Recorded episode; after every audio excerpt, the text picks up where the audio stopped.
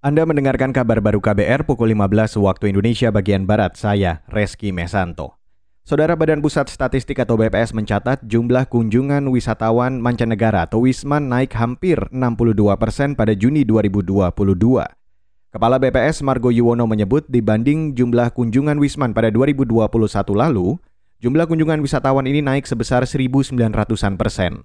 Ini menunjukkan kabar baik dilihat dari grafik ya sejak April, Mei, Juni kunjungan Wisman itu terus menunjukkan adanya peningkatan seiring dengan perbaikan mobilitas dan juga penanganan kesehatan di Indonesia. Dan terakhir di bulan Juni tercatat kunjungan ke Indonesia sebanyak 345,4 ribu kunjungan. Dan ini tadi saya sampaikan secara mantuman maupun secara way on way peningkatannya cukup signifikan. Kepala BPS Margo Yuwono menambahkan, Bandara Ngurah Rai di Bali menjadi pintu masuk Wisman terbanyak sepanjang Juni 2022, yakni mencapai 181 ribu kunjungan. Sementara di Bandara Soekarno-Hatta mencapai 85 ribu kunjungan dan pintu masuk Batam 39 ribuan pengunjung. Beralih ke berita selanjutnya, Saudara. Satgas Penanganan COVID-19 terus mengingatkan masyarakat bahwa pandemi COVID-19 belum selesai dan virus masih terus berkembang.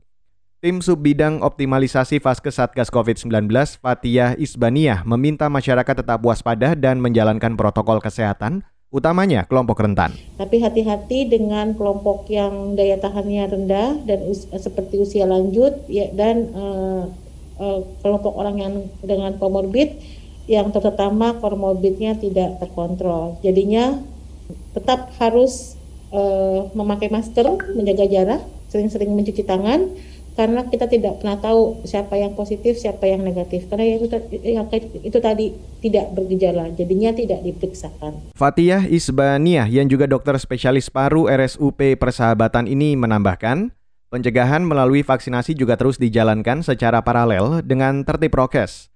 Kata dia, vaksinasi berfungsi mencegah perburukan penyakit dan memperkecil tingkat keparahan pasien.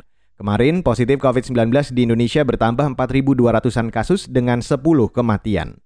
Saudara Indonesia mengajukan Indonesian Paper ke Badan Perserikatan Bangsa-Bangsa PBB untuk mengisi kekosongan aturan hukum internasional terkait kapal selam bertenaga nuklir.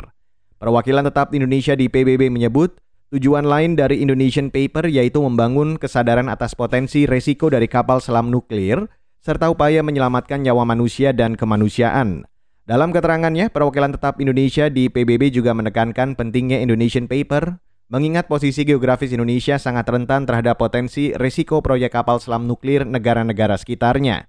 Saat ini berbagai negara di dunia tengah mengembangkan kapal selam bertenaga nuklir, termasuk peluang negara pemilik senjata nuklir berkolusi dengan negara bukan pemilik.